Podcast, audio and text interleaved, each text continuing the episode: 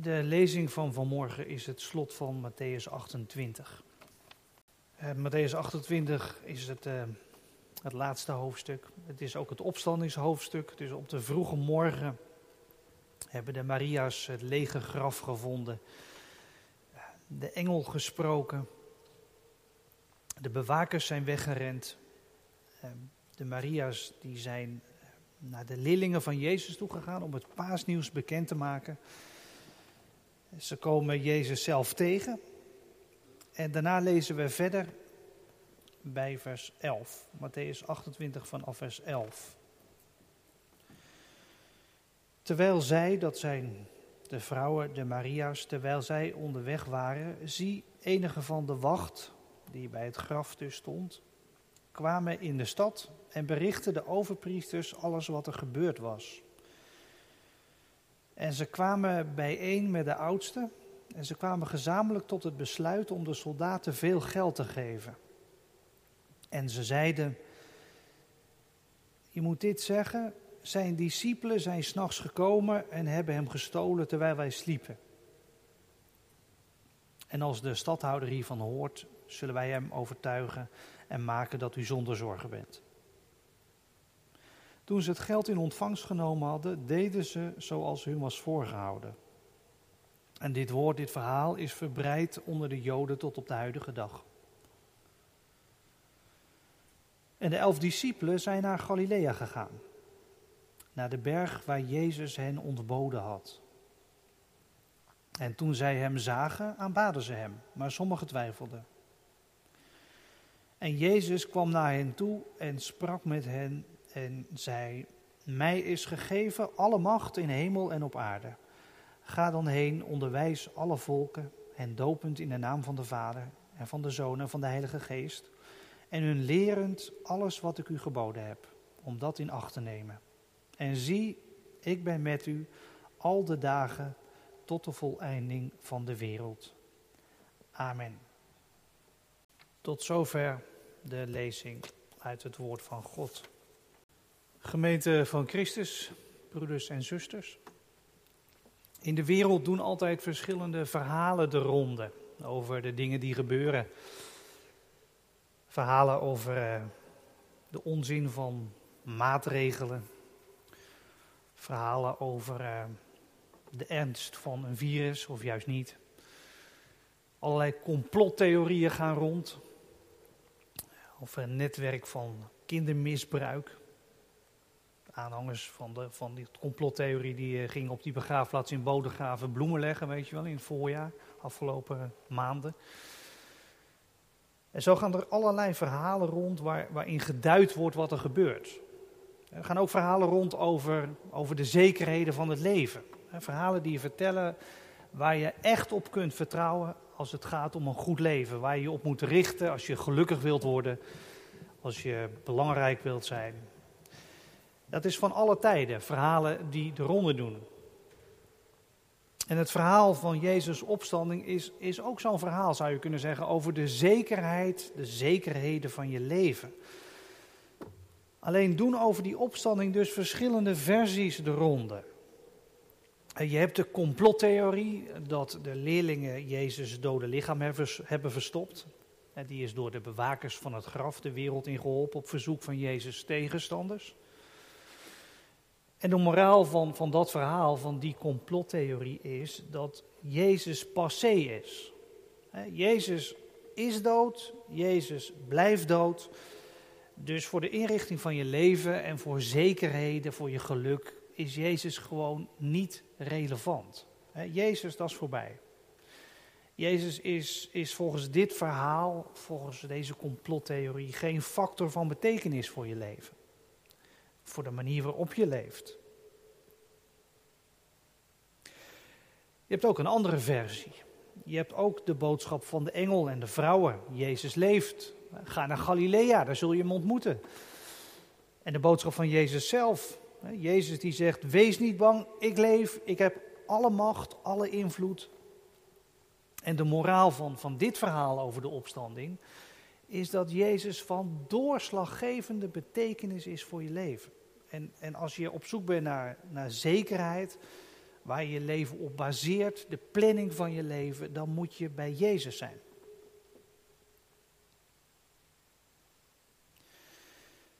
En de vraag van morgen is, eh, welk verhaal, welke getuigenis van Jezus jou overtuigt? En met welke waarheid jij zelf leeft? En welk verhaal jij de wereld inbrengt? Met wat je zegt en met wat je doet. Ga je voor de waarheid van het verhaal dat Jezus op de een of andere manier passé is? Niet meer relevant. Nou ja, dat, dat zal misschien niet. Ik bedoel, als je in de kerk zit en je zit deze dienst te luisteren, dan, dan heb je in elk geval iets met Jezus. Maar anders ging je er geen tijd aan besteden vandaag. Maar toch is dat wel het heersende verhaal in onze cultuur. En Jezus is passé. En mensen zijn ook helemaal niet geïnteresseerd in, in geloof of zo, of in Jezus. Mensen zijn niet eens meer atheïst. Misschien agnost, ze weten het niet, maar het kan ze eigenlijk ook niet schelen. Daar heb je een hele mooie term voor. Ik weet niet of je die wel eens gehoord hebt. Apatheïsme. Dat je apathisch bent naar theïsme, naar geloof. Dat het je gewoon eigenlijk niet eens kan schelen of het waar is. Zo onbelangrijk vind je het. En dat merk je als je, als je wel eens iets deelt over je geloof, dan, dat een collega zegt, ah, mooi voor jou, fijn dat jij er steun aan hebt en mooi weer vandaag, weet je wel, geen, geen interesse. Jezus is niet relevant. Ja, of, of je leeft dus met de waarheid dat Jezus een levende werkelijkheid is, die van grote invloed is op jouw leven en op de wereld om ons heen. En, juist in deze tijd, aparte jaren dat wij achter de rug hebben, in crisistijd, kom je er ook wel achter met welk verhaal je echt leeft. In theorie kun je altijd wel zeggen, ik, ik ga voor het verhaal van Jezus die leeft. Maar in zo'n crisistijd zie je of het echt waar is. En ik weet niet hoe dat bij jou uh, is uitgepakt. Maar ik vond het zelf wel confronterend, moet ik zeggen. Kijk, ik ben iemand die, die gelooft hè, met vallen en opstaan, maar, maar toch iemand die gelooft in de opgestane Heer. Maar zo'n jaar waarin alles op zijn kop is gegaan en, en de onzekerheden toeslaan. En nog steeds dat je niet weet wanneer nou maatregelen stoppen of niet. Alles wordt maar doorgeschoven. Je kunt nauwelijks plannen maken. Ja, toen merkte ik zelf wel hoe ik hecht aan, aan de verhalen van experts en van wetenschap. Verhalen die, die, die je zeggen hoe je het leven onder controle kunt hebben. En, en hoe je zelf dingen kunt fixen en sturen en, en regelen. Toen het niet meer goed ging, merkte ik hoe ik daaraan gehecht was aan de verhalen van maakbaarheid. Leef ik dan, dat, dat heb ik mij wel afgevraagd, leef ik eigenlijk wel echt met, met de waarheid van Pasen, die niet gaat over wat ik allemaal kan regelen, maar over wat God regelt? Beïnvloedt dat nou echt de manier waarop ik in het leven sta? Nou ja, dat is een beetje de vraag die, die we aan elkaar stellen vanmorgen, die ik aan jullie ook stel. Leef jij nou echt met met Pasen. Met het verhaal, het getuigenis van Pasen. Hoe, hoe kun je het doen? Hè? Hoe kun je leven met het verhaal van Pasen? Nou ja, dat, dat is een kwestie van leren. Van leren. Zo gaat dat met, met alle verhalen waar je levensoriëntatie in zoekt. Waar je richting in zoekt om het leven te leven. Zo'n verhaal tref je ergens aan, dat leer je. Mensen vertellen het je, in je opvoeding leer je het, in de cultuur leer je het. En je leert om je leven daarmee af te stemmen, om, om te denken op de manier van, van dat levensrichtinggevende verhaal. En zo is dat ook met het verhaal van Jezus' opstanding. Het gold ook voor de bewakers van het graf. Hè. Die hebben het ook geleerd, het verhaal wat zij de wereld inbrengen verhaal van de religieuze leiding. In vers 15 staat dat ze opdoen zoals hen is voorgehouden. In de herziende staatvertaling, maar letterlijk staat er in het Griek dat, Grieks dat ze doen zoals hen geleerd was. Dat staat er. Die bewakers doen zoals ze geleerd was. Zij zijn leerlingen van een verhaal. En Jezus heeft het ook over leerlingen. Jezus zegt ook als hij zijn discipelen met zijn boodschap de wereld instuurt, vertel de mensen dat ik leef, dat ik alle macht heb, dan, dan zegt hij, maak ze tot mijn leerlingen. Leer ze leven op de manier die ik jullie heb doorgegeven. Dat, dat is dus het punt. Een verhaal over zekerheden van het leven, daar leer je mee leven.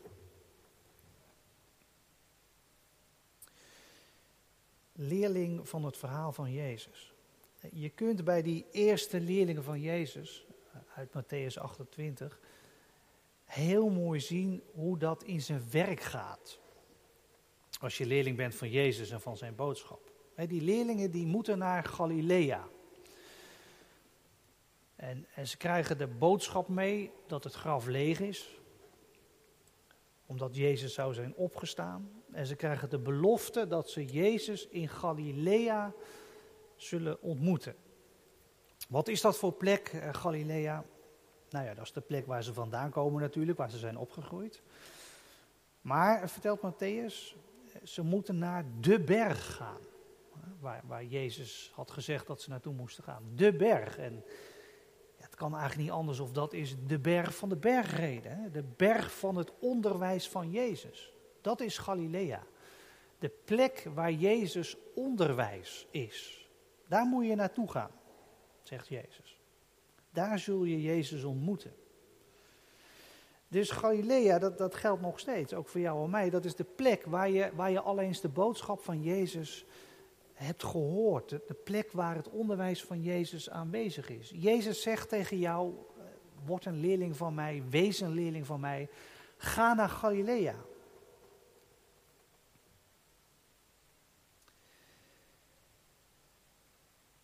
Ja, leven met Jezus en leerling zijn, dat, dat gaat ook niet vanzelf. Daar kom je niet aanwaaien. Daar sta je niet mee op, Daar moet je ook, ook mee aan het werk. Daarvoor moet je naar Galilea gaan, zegt Jezus. Waar ligt jouw Galilea? Waar, waar heb jij dingen van het geloof van Jezus gehoord, meegekregen? Waar, waar kun jij ze vinden vandaag de dag? En misschien is het voor jou, net als bij die leerlingen, ook wel een plek, een plek van vroeger. Hè, waar, waar je in gedachten naar terug gaat. Een plek waar je heel veel van Jezus hebt gevonden. Heel vaak werkt het wel zo als je in je herinnering naar zoiets teruggaat, dat Jezus er opeens weer is. En weer tot je spreekt. Maar Galilea kan ook heel goed iets van vandaag zijn natuurlijk. Misschien is het een boek waar je veel vindt over Jezus. Eh, de Bijbel, ja, Galilea, Galilea bij uitstek. Of misschien is Galilea voor jou een bepaald lied of een muziekstuk of een podcast. Veel mensen luisteren s ochtends even een podcast. Misschien is dat wel Galilea. Of je Bijbelkring of een groep vrienden. Maar goed, dat soort plekken staan nu onder druk natuurlijk, nu je mensen niet mag ontmoeten. En misschien dat, dat deze kerk voor jou ook wel echt Galilea is. Dat je hier woorden vindt van Jezus. Dat je hier vaak komt. Maar ja, nu niet dus. Deze tijd is misschien ook wel lastiger om, om leerling te zijn. Als je via beeld en geluid deze kerk moet bezoeken. Ja, Galilea is vandaag dus ook gewoon thuis aan de keukentafel. op dit moment enerzijds heel relaxed natuurlijk, als je nu gewoon op de bank zit met een kop koffie. Maar misschien ook wel lastiger. Tenminste, ik heb het zelf ook een paar keer eh, al gedaan. Meestal ben ik in een kerk gelukkig. Eh, dat is het voordeel van dominee zijn natuurlijk. Maar ik heb ook al een paar keer wel thuis met mijn family eh, achter, achter de televisie gezeten. En dan vond ik het toch wel lastig om me te concentreren. Al het commentaar van mijn kinderen op allerlei niet relevante zaken. Ehm, maar goed, weet je, het is vandaag Galilea. Dus, dus hier moet je het mee doen, met, met dit schermpje vandaag. En, en daar moet je ook even voor gaan. Hè. Rechtop zitten. Ehm, let op. Let op of Jezus iets tegen je zegt vandaag. Vandaag zijn wij echt in Galilea. Hier in de kerk of thuis op de bank. En Jezus stapt naar je toe. Nu, en, en, wat je het beste kunt doen, dat is als net als wat zijn leerlingen deden in Galilea, dat is knielen voor hem, hem, hem vereren. Letterlijk of figuurlijk, dat je hem eert als je Heer en je aan hem toevertrouwt. Misschien aarzelend, dat wordt ook verteld van sommige leerlingen, die aarzelen. Misschien aarzel je ook wel om je aan Jezus toe te vertrouwen, omdat je vragen hebt in je hoofd. Of omdat je verdriet met je meedraagt. Vragen hebt in je hart. Waarom dit? Waarom dat? Je kunt ook wel eens aarzelen als Jezus op je toestapt. Aarzelen om jezelf te geven, omdat je je afvraagt of je wel echt welkom bent bij Jezus. En dat zullen die leerlingen zich toch ook wel hebben afgevraagd. Die leerlingen die weggelopen waren bij Jezus, waren zij nog welkom bij Jezus? Er was nogal wat gebeurd. Maar Jezus stapt naar hen toe en hij stuurt ze erop uit. Dat is wat er in Galilea gebeurt. Nou, nou kun je dat heel uh, haastig lezen. Ik, ik, weet niet of jullie ook de nieuwe Bijbelvertaling wel eens gebruiken. Daar wordt het ook best haastig vertaald. Daar lijkt het net alsof Jezus op zijn leerlingen toestapt en direct zegt: Mij is gegeven alle macht in hemel op aarde. En, en ze dan direct erop uitstuurt. In de herziende statenvertaling staat er nog bij dat Jezus met hen spreekt. En dat staat er in het Grieks ook. Dus het is even wat minder haastig dan, dan je misschien zou denken. Jezus stapt vandaag op je toe en hij stuurt je er niet direct op uit. Hij spreekt met je. Dat is een belangrijke toevoeging, dat Jezus met je praat. En het kan natuurlijk ook best zijn dat er een en ander uitgepraat moet worden tussen jou en Jezus.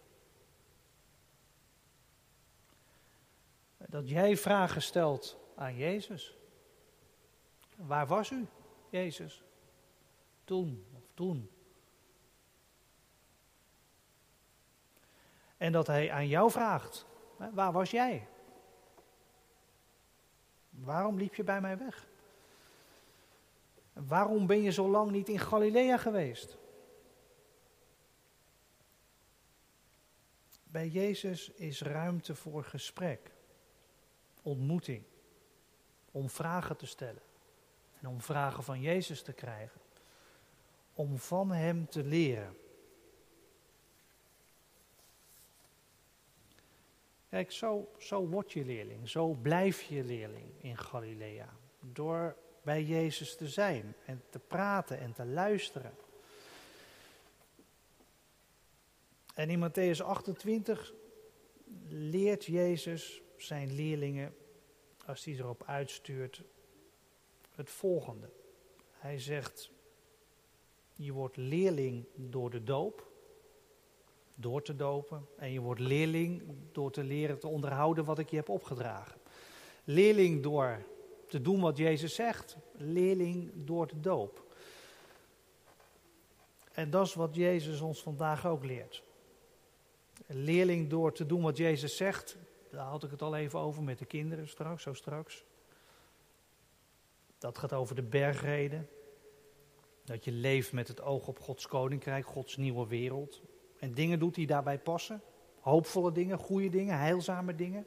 Waar mensen in jouw omgeving van opknappen. Dat leert Jezus je.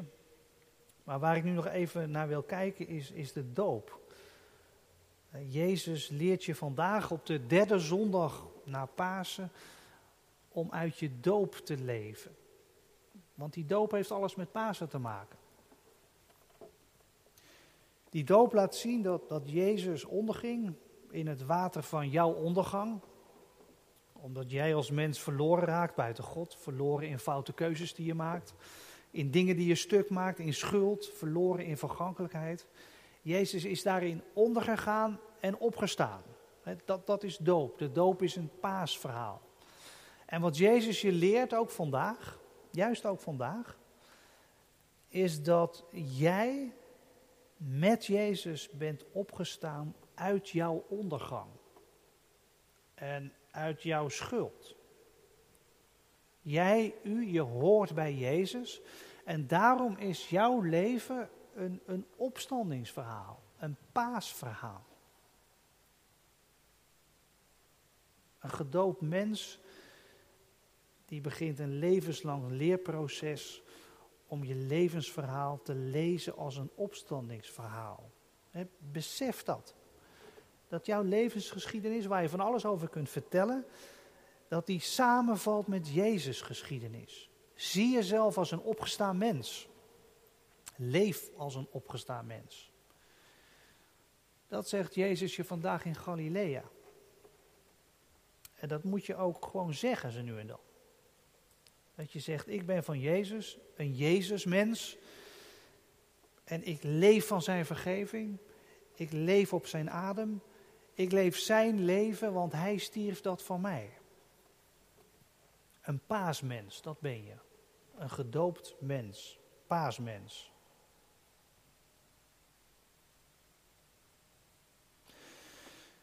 Weet je dat dat soort dingen gebeuren in Galilea? Dat Jezus je dat laat zien en dat Jezus je dat zegt. En, en dan ga je er altijd weer op uit. je moet als leerling van Jezus niet in je bubbel blijven zitten, dat gaat helemaal niet. Je gaat erop uit om het anderen te leren, om het door te geven. Je gaat erop uit. Nou ja, dat doe jij natuurlijk ook. En u, elke dag ga je erop uit. Al is het maar uh, naar de Dirk of de app om boodschappen te doen. En je gaat erop uit, veel via een schermpje tegenwoordig natuurlijk, dat je je collega's ontmoet of colleges volgt.